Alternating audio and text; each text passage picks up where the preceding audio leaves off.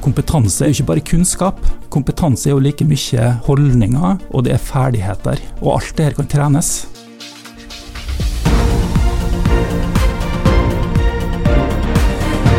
Dette er All In med Oslo Business Forum. Dagens gjest har mange spennende tanker rundt det han beskriver som et kompetansegap og kunnskapen vi trenger for å unngå massiv arbeidsledighet i framtiden. Han er opptatt av livslang læring og leder et selskap, PwC, som investerer 30 millioner kroner i kunnskap og ferdighetstrening for de nær 300 000 ansatte i 160 land for at de skal lære seg kunstig intelligens, koding og andre ferdigheter for framtiden. Dagens gjest var også en lovende fotballspiller, men i valget mellom fotball og revisjon ble det jobb og karriere i et av verdens største revisjonsselskaper. I dag er Leif Arne Jensen administrerende direktør i PwC. Han har vært i selskapet i 26 år, og har rådgitt utallige kunder som har gitt ham en innsikt som vi skal få dele her i dag. I tillegg er han også styreleder for Den norske revisjonsforening. Det jeg ønsker å lære mer om, er 1. Hvordan unngå massiv arbeidsledighet i framtiden. 2. Noe mer om livslang læring og reskilling nå halvannet år nesten ut i en pandemi. 3. Hvordan skal ledere kommunisere nødvendige endringer? Velkommen til podkasten All In med Oslo Business Forum, en podkast for ledere som er lidenskapelig opptatt av ledelse, innovasjon og strategi.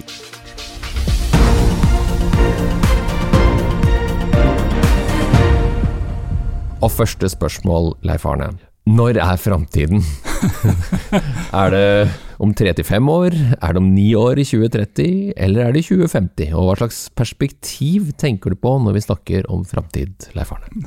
Ja, det er et sabla godt spørsmål. Først av alt eh, hjertelig takk for at jeg kunne komme. Det er et eh, stort spørsmål, et vanskelig spørsmål, eh, men det er òg et spørsmål i relativitet.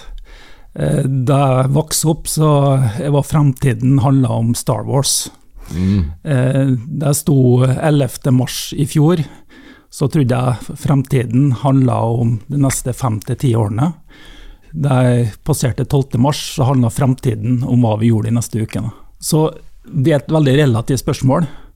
Så fremtiden er helt avhengig på en måte av hvor du står, hva du skal oppnå osv. Eh, men for oss som ledere så handler det om å ha flere tanker i hodet på en gang. Mm. Fremtiden handler om det du skal prioritere det kommende året. Det handler om det du skal gjøre de neste fem til ti årene. Og det handler om på en måte hva som skal være din legacy, hva som skal skje etter din tid. Så du må ha alle dimensjonene med deg når du tar en beslutning. Så er, når man snakker om framtiden, når du snakker om framtiden, så må du passe på at de som hører på, også henge med på om du er her og nå, eller om du er da på 2030-strek, eller neste generasjons arbeidstakere, som jo også er en sånn flytende greie. Det er hele tiden en roterende transformasjon da, av folk inn og ut.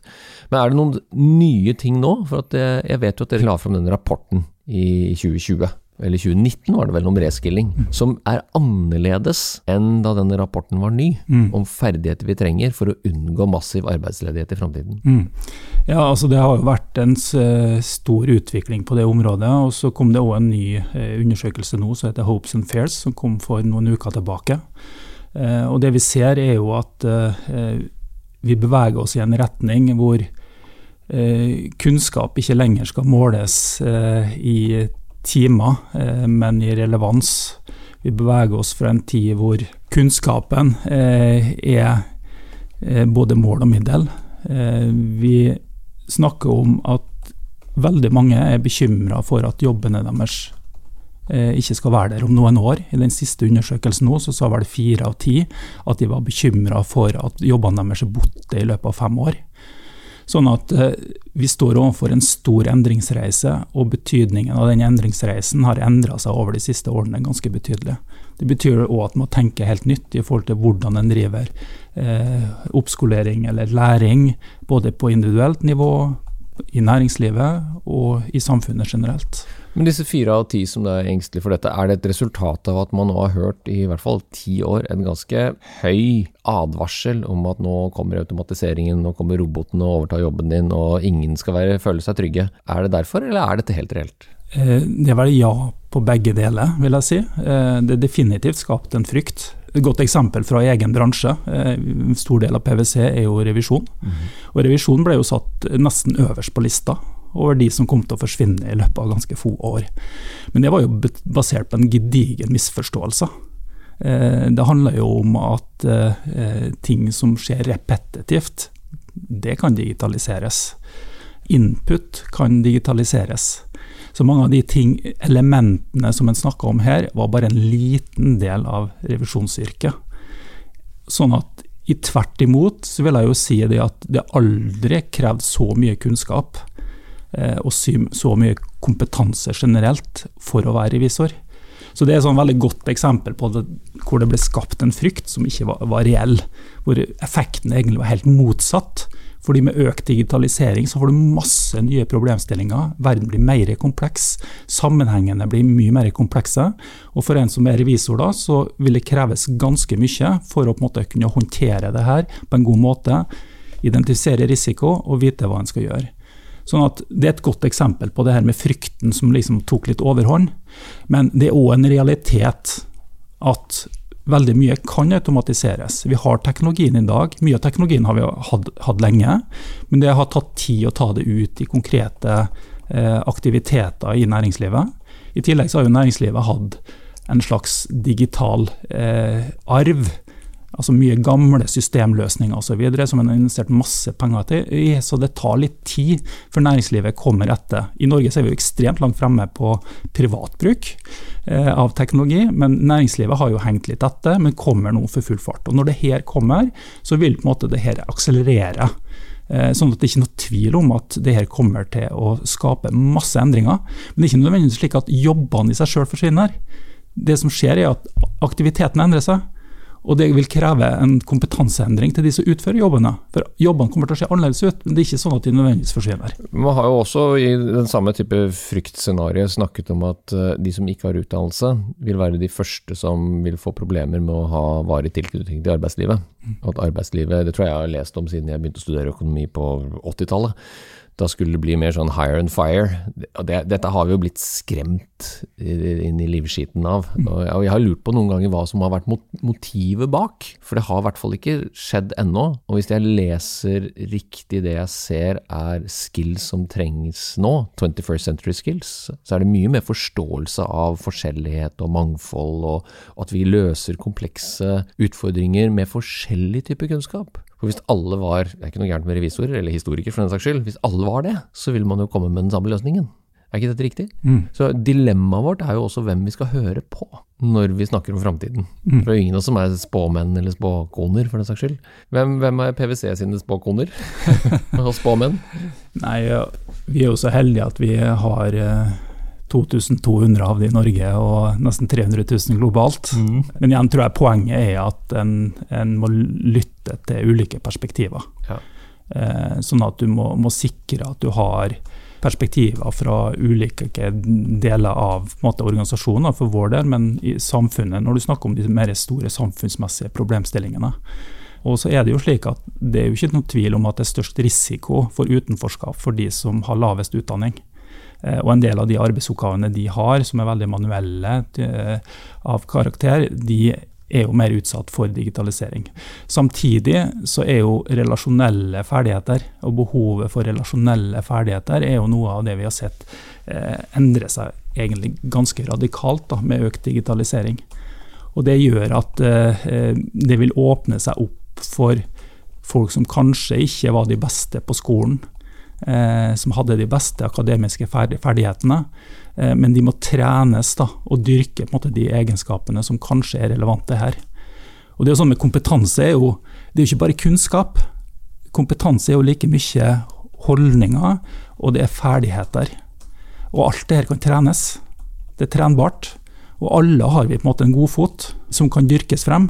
Så det handler om å stimulere den enkeltes godfot og så må det her selvfølgelig settes i system osv. En må passe på at en ikke eh, eh, forfordeler. At når en omstiller, så skjer det på en rettferdig måte i et samfunnsperspektiv. Fordi urettferdighet det går utover tillit, og tillit er farlig hvis det ikke er der. Mm. Tillit er på en måte fundamentet for det demokratiet vi har, for det åpne samfunnet vi har, og som vi alle er ekstremt glad for. Og I hvert fall når vi ser hva som skjer rundt omkring i verden. Så, så den tillitsbiten er kjempeviktig. så Derfor så er det fra et samfunnsperspektiv så er det så ekstremt viktig at greier, at vi greier å ta vare på de som har kanskje de dårligste forutsetninger i en overgangsfase. Kjempespennende. Og det som folk er mest redd for, er jo nettopp den, den, usikkerheten som jo blir forsterket av stemmene som snakker om at nå må vi endre oss, og nå må vi lære oss dette, og nå må vi putte koding inn i skolen, for hvis de ikke har koding, så kan de jo ikke få seg jobb. Som om vi fortsatt skal drive og kode i C eller Basics, som vi gjorde på 1990-tallet, om tre til fem år. Mm. Altså jeg, jeg lurer av og til på motivet for å gå så høyt ut og si at nå må vi endre oss, dere. Mm. Hva tror du om det? Jeg tror nok svaret på det er avhengig av hvem som sier det. Eh, og jeg tror nok eh, på den ene sida så er det jo det er viktig at en skaper en plattform for endring. Eh, hvis du ikke tror at det er behov for å endre seg, så endrer du deg heller ikke. Det ligger vel på en måte litt sånn nedarva i våre gener. Så du, du, må skape en slags kritisk plattform da, for å, få, måte, for å skape en motivasjon. Så det er på en måte en, en, viktig del av det tror jeg, som gjør at mange måte, roper høyt om det her. Og Da snakker vi ikke nødvendigvis om individet, men vi snakker om politikere, vi snakker om eh, næringslivsledere. Og så er det jo sånn at eh, jeg tror vi må tenke Når det kommer spesielt på individnivå, så må vi nok tenke annerledes enn vi har gjort før. Mm -hmm. vi, må, vi må bringe den ansatte inn i dialogen. Vi må ansvarliggjøre den ansatte på en annen måte. Hvordan da? Det handler jo om at uh, du må ta ansvar for din egen læring. Du må skape en kultur der den enkelte tar ansvaret. At du ikke bare setter deg bakerst i bussen uh, og venter på at noen skal fikse det, eller lage et kurs, eller uh, gjøre noe som du blir bedre på noe. Det ansvaret må du i mye større grad ta sjøl. Men blir vi opplært til det? Spørsmålstegn? Jeg skal spørre deg om en ting. Jeg har jo årevis jobbet på Handelshøyskolen BI og lært opp eh, kanskje tusenvis, eller forsøkt påvirke tusenvis av unge studenter. Mm. Og jeg har alltid prøvd å sagt at du, du, får ikke en jobb, du må ta den. I konkurranse med andre flinke folk. Mm, mm. Og bare der er det jo noen som krysser skia, og det går helt i stå for dem. Og jeg har fått kjeft av eh, velmenende kollegaer eh, og folk jeg er veldig, som, som, som tåler en utfordring. Men akkurat der er det litt sånn følsomt. For det er som om, om kunnskapen skal liksom dytte dyttes ned i halsen på folk. Og så skal det kommes ut som et eller annet form for vitnesbyrd eller bevis på at du er så flink, og da får du en jobb. Enig? altså, jeg er i hvert fall enig i at vitnemålet er en veldig god måte, søknad for å få deg en jobb. Eh, og at vitnemålet har betydd veldig mye historisk, det er det ikke noe tvil om, og det betyr fortsatt veldig mye. Det jeg tror er litt utfordringen, er jo at noen av de egenskapene som du trenger for å lykkes i jobb, de står ikke på vitnemålet. Eh, og det ser jo vi. Vi rekrutterer jo flere hundre hvert år rett fra universitet og høyskoler rundt omkring i Norge og, og, det store utland. Og det vi ser er jo at prediksjonsverdien på de som måtte lykkes og de som ikke lykkes, det er ikke like lett å se spor av i et vitnemål. Eh, sånn at vitnemålet sier noe om du har vært flink til det du har gjort, nemlig å studere, og at du har et akademisk talent f.eks. Men det kreves noe mer hvis du skal lykkes over tid, og i hvert fall hvis du kommer inn på det her med livslang læring. For det er ikke noe sprint, det er ikke en maraton heller, det er en ultramaraton, og vel så det. Så det handler om hvordan kan vi legge til rette for at folk faktisk har den relevante kunnskapen. Og vi har en tendens til å drive eh, ting veldig sånn sekvensielt, og er veldig mye godt å si om det norske utdanningssystemet, fordi det er helt åpenbart noe av det bedre i verden. Eh, samtidig så er vi nå på vei inn i en verden hvor ting endrer seg, og det endrer seg raskere og raskere. Så det betyr at du må forstå det endringsbehovet. Det gjør at lange utdanningsløp eh, kan godt være en viktig komponent, hvor du får lov til å fordype deg. Det tror jeg faktisk er viktig. Men samtidig så må vi òg skape arenaer hvor vi endrer oss raskt. Eh, det betyr òg at utdanningen må kunne endre seg raskt. Det betyr sannsynligvis at vi òg må, i tillegg til å ha det litt lange løpet, må ha mange små biter av kunnskapsdeling. Da. Og Der er vi jo ikke i dag. Og Der er det òg et rom for et samarbeid hvor næringslivet kan ta en mye større eh, rolle Så Jeg vet ikke om det var noe svar på spørsmålet ditt, men, men det er ikke noe tvil om at jeg tror vi må se med nye briller på måten vi driver eh, opplæring på i Norge, og da helt fra barneskolen. Ja, Så trenger vi språket vårt en liten sånn diskusjon, det var det jeg prøvde å få deg ut på glattisen på. Jeg klarte det delvis, da, for jeg vet jo at de store selskapene, og dere også, alt tydeligere sier at vi trenger også andre typer mm. enn de som har gjort mm. og har veldig gode karakterer. Fra, og det er selvfølgelig en viktig inngangsbillett. Og jeg prøver ikke å dissekere høyere utdanning, jeg prøver bare å stille et enkelt spørsmål. Hva er det vi sier til de unge håpefulle? Mm. Det fins ikke noe som heter en trygg jobb og en fast stilling hvor du kan være i 40 år og alt er bare helt sånn stabilt og forutsigbart, for livet svinger jo. Mm. Livet har sine utfordringer, og det er jo derfor også det er viktig å trene på det. Så jeg, jeg tror nok de, de, store selskapene kan være enda tydeligere i kommunikasjonen sin. Hva er konkurransefortrinn når det kommer til kompetanse? Mm. Og der, der, der, passer det veldig bra da, med dette med reskillingen. Som jeg opplever jo i hvert fall her i Norge at dere har tatt en posisjon på det begrepet i PwC. Snakket godt om reskilling. Men hva ligger i reskilling nå, i inngangen til sommeren 2021? Eh, Her har vi administrerende direktør, så kan jeg jo ja, Det er litt avhengig av hvilket nivå vi snakker om. Vi kan snakke om det på et samfunnsnivå, eh, hvor det helt åpenbart er behov for å løfte en del kompetanseområder. Eh, men hvis vi går på mer et selskapsnivå, da, som, som jeg opererer på, så handler det i veldig stor grad om å legge til rette for en læring som gjør at du kan påvirke de omgivelsene du jobber i. Og Det handler om at vi i mye større grad må gå fra det her litt mer reaktive til det mer proaktive måten å lære på. Hvor du går vekk fra uh, å, å, lære i store sekvenser til å lære i mye mindre sekvenser. Hvor du går fra å lære i klasserom til å lære mer der du er. Og hvor du går fra å lære på et tidspunkt hvor det var satt opp et klasseromskurs, til å lære når Eh, du faktisk skal utøve jobben din. Sånn at det er alle de elementene her som vi må eh, endre da, eh, fremover. Det er ikke noe enkelt svar på spørsmålet ditt, men jeg tror det er hele, hele kulturen en driver opplæring på. Ja, og som lærer kan jeg fortelle at fra pedagogisk seminar, som du da, en av de få tingene du antakeligvis aldri har vært i befatning med, det, som revisor og på NHO har det ikke sånt, eller hadde i hvert fall ikke. Mm. Der lærer man jo at du kan grovinndele populasjonen i tre. Det er de som lærer av å memorere noe de har lest, og det er jo kopimaskinene, og de har jo fram til nå ledet. Mm. Men der begynner det å knake litt i sammenføyningene, for en kopimaskin må jo få en original som den kan kopiere. Mm. Og når den originalen, som du sier, er avhengig av en tilpasning tilpasning til det rundt seg, så trenger du i hvert fall innblikk i noen andre ferdigheter. Og da viser det seg at praktikerne, de som må gjøre ting, de må ha, som må ha det i hendene eller må kode det eller få det til å funke der og da, de har en annen læringsmetodikk. Og så har du noen andre, det er de som blir kalt visuelle. De som lager bilder i hodet sitt som må deschiffreres ned på ord. Mm. Som jo som regel har kommet litt bak kopimaskinene, for kopimaskinene er bedre til å kopiere. Og denne tredelingen av populasjonen, dette har vi jo visst siden 1950-tallet, mm. den er nå kastet opp igjen. Og så har den fått et nytt navn. Og det er liksom, litt sånn komisk, for det har jo vært der bestandig. Det er bare for at kopimaskinen har plutselig oppdaget at oi, her er det jo noen andre. Det er jo to tredjedeler av befolkningen som ikke er som oss. Mm. Og de løser problemene annerledes. Mm. Og derfor tror jeg det som er i ferd med å skje nå, den derre 21st Century Skills som amerikanerne utviklet på slutten av 80-tallet, begynnelsen av 1990-tallet, den har vi jo aldri ordentlig implementert. Det gjør vi jo nå med reskilling. Det er soft skills, det er anerkjennelse av at det er ulike måter å kommunisere på, det er åpenbart at man trenger forskjellig input, for vi må bevege oss raskere, og det som du så fint sier, vi lærer når vi gjør.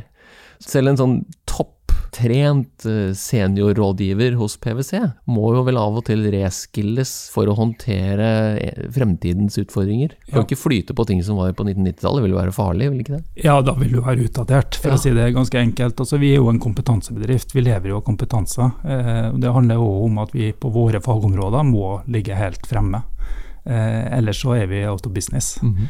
Og det skaper jo en veldig sterk egenmotivasjon i vår type organisasjon. Men det er jo to ting, da, det er to nøkkelord. Eh, som Litt tilbake til spørsmålet ditt med reskilling eller upskilling, som vi kaller det. Eh, og det er jo at det må være behovsdrevet. Hvems behov da? Det må være en kombinasjon. Mhm. Det må være eh, et behov for eh, selskapet.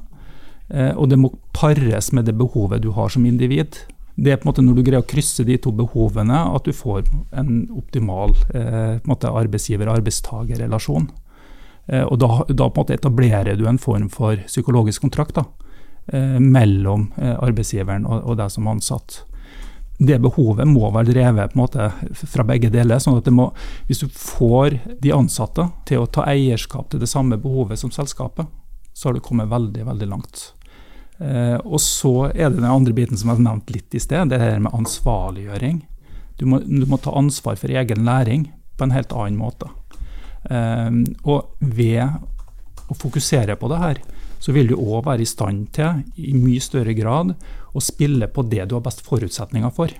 For det gjør at du har et bein som heter kunnskap, du har et bein som heter ferdigheter, og så har du et bein som eh, handler om holdninger og atferd.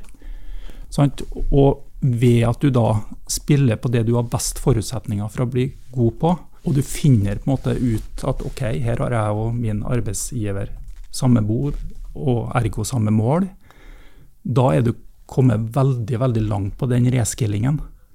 Det er veldig lett å tenke, sette seg ned og tenke jo, vi trenger, vi må utdanne flere på koding, som du nevnte tidligere. Vi trenger å på en måte eh, fokus, bli veldig sånn fokus på hva, da, mm. og ikke på hvordan. Og det ser vi jo i forhold til kompetanseløftet som eh, regjeringen har kommet med osv. Så, videre, så fokuserer en veldig ofte på hva, veldig sjelden på hvordan. Og i den upskillingen eh, så handler det om hvordan. Sant? Hvordan du skaper en læringskultur hvordan du ansvarliggjør den ansatte. Mm.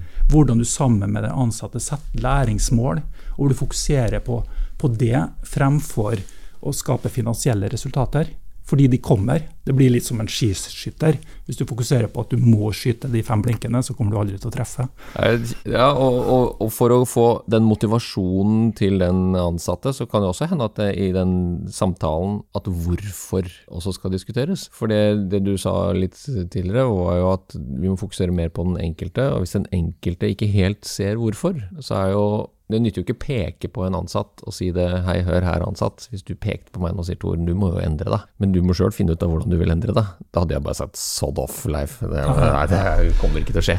Så det, det, det, leder meg over i den derre hva skal ledere gjøre?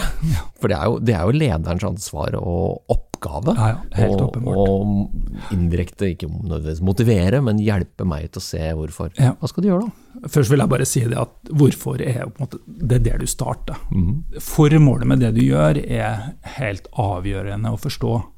Og jeg snakka om du er nødt til å sette deg ned og, og på en måte finne ut hva som driver deg. Og veldig ofte, og i større og større grad, så er det hvorfor som driver deg nye generasjon drives mye mer av hvorfor. Så det er på en måte det kjernen. Og som leder, og det jeg sjøl har brukt utrolig mye tid på, er nettopp hvorfor. Og det handler om å formidle i hvilken kontekst jobber du. Fordi vi har alle behov for å være en del av noe som er større enn oss sjøl. Og hvis du opplever at det du gjør, er en liten bit i noe som skaper noe som i sum gjør en forskjell for kunden vår, eller på en måte ytterste konsekvens for, for samfunnet, så er det jo ikke noe som er på en måte sterkere drivkraft enn akkurat det. Så Derfor har jeg sjøl brukt det her med hvorfor, altså hvorfor vi er til. Hvorfor er PwC til? Eh, hva betyr det at vi har et formål som handler om å bygge tillit i samfunnet og løse viktige problemer? Hvorfor sier vi det? Jo, fordi. Så, så den historiefortellingen er kjempeviktig eh, som leder. Mm. Det andre er jo hvis du skal ansvarliggjøre noen, så må du engasjere og involvere. Før så fortalte du mer folk hva de skulle gjøre. Nå handler det i mye større grad om å få folk til å måte, ta del i den beslutningen sjøl. Det må coaches, det må styres osv. Men involvering er kjempeviktig for å drive. fordi i involvering så skaper du òg en kultur. Og gjennom involvering og den kulturen så kan du òg ansvarliggjøre på en helt annen måte enn hvis du bare forteller noen hva de skal gjøre, eller hva de skal lære seg. Nå skal alle gå på det kurset, fordi det har vi alltid gjort, og det er viktig for oss. Det motiverer jo ingen.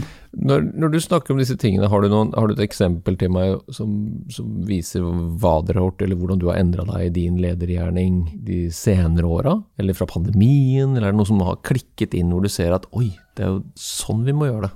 Kanskje ikke noe nytt, men det har jo forsterka en del av de tingene som vi har fokusert på tidligere. Eh, og det er jo nettopp det der med hvorfor. Det handler ikke bare om eh, eh, hvem vi er, som hvorfor handler om. Men det handler òg i stor grad om vårt kompass, som gjerne kalles verdier. Vårt verdikompass er ekstremt viktig, og for den ansatte. For hvis verdiene matcher, så har du et veldig godt utgangspunkt for endring. Og når verden endrer seg veldig raskt, så er det gjerne på en måte eh, misjonen eller formålet med det du gjør, og verdiene dine, som er det konstanten. Mm. Mens når alt det andre endrer seg, så må du ha noe som er konstant. Og det er konstant. Og det kan du skape et fellesskap rundt, og det kan du bygge en kultur rundt. Eh, og så er det kjempeviktig, da, når ting endrer seg, så har du ikke noe Det var litt sånn når pandemien starta, det var jo ingen av oss som hadde noe dreiebok.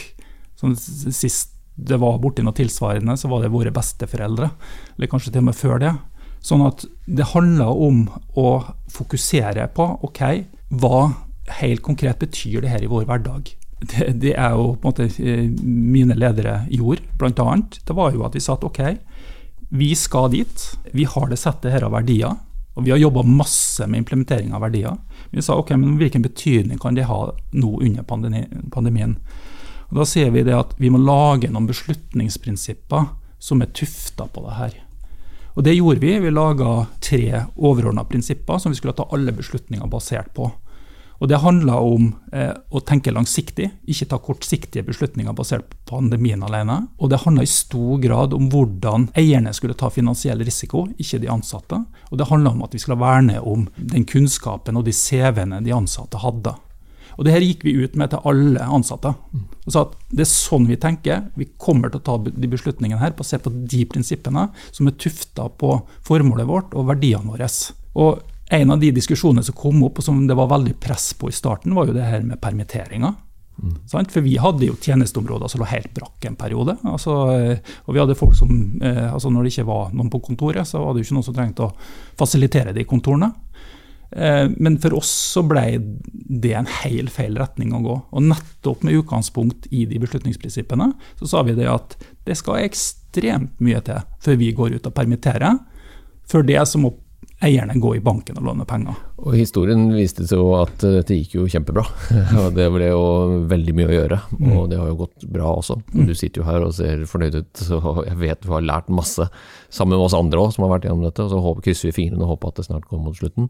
Jeg skal oppsummere samtalen vår. Vi har vært innom eh, kunnskap og relevans, både som mål og middel det å lytte til ulike perspektiver, og en, kanskje for noen en selvfølgelighet, men det er viktig å minne seg på at ting tar jo tid. Og den, Det jeg syns var veldig spennende å høre deg snakke om, er at dette med trenbar kompetanse, type i relasjon med andre, å få det nært arbeidsplassen, ikke tenk på det som noe man skal sende de ansatte på kurs. Og Hvis du nå sitter og lurer på i 2021 hva skal jeg nå gjøre for å få en ordentlig god start på høsten, hm, tenk helt nytt rundt den der motivasjonen og ansvarliggjøringen for egen læring hos hver ansatt. Det er jo en psykologisk kontrakt. Og så snakket du om eh, at livslang læring er et ultramaraton. Jeg har aldri løpt ultramaraton, men jeg har hørt at det er langt, og at det er eh, noe man må kanskje da trene på. Til ledere så var du veldig tydelig med at eh, man kommer ikke unna hvorfor. Det er verdikompasset som må ligge til grunn, og kanskje også hele tiden tilpasses til det som er omstendighetene og det man oppfatter som viktige signaler fra omgivelsene, om det er kunder eller om det er eh, de ansattes familier eller samfunnsforhold, det, det endrer jo seg. Og ansvarliggjøre. Ved å ansvarliggjøre så engasjerer du jo, og involverer du. Men det er jo altså den enkelte. Så jeg føler jo at jeg har fått deg litt mer på at neste gang noen sier til deg at de skal få en jobb, så kommer du til å si at nei, du må ta den.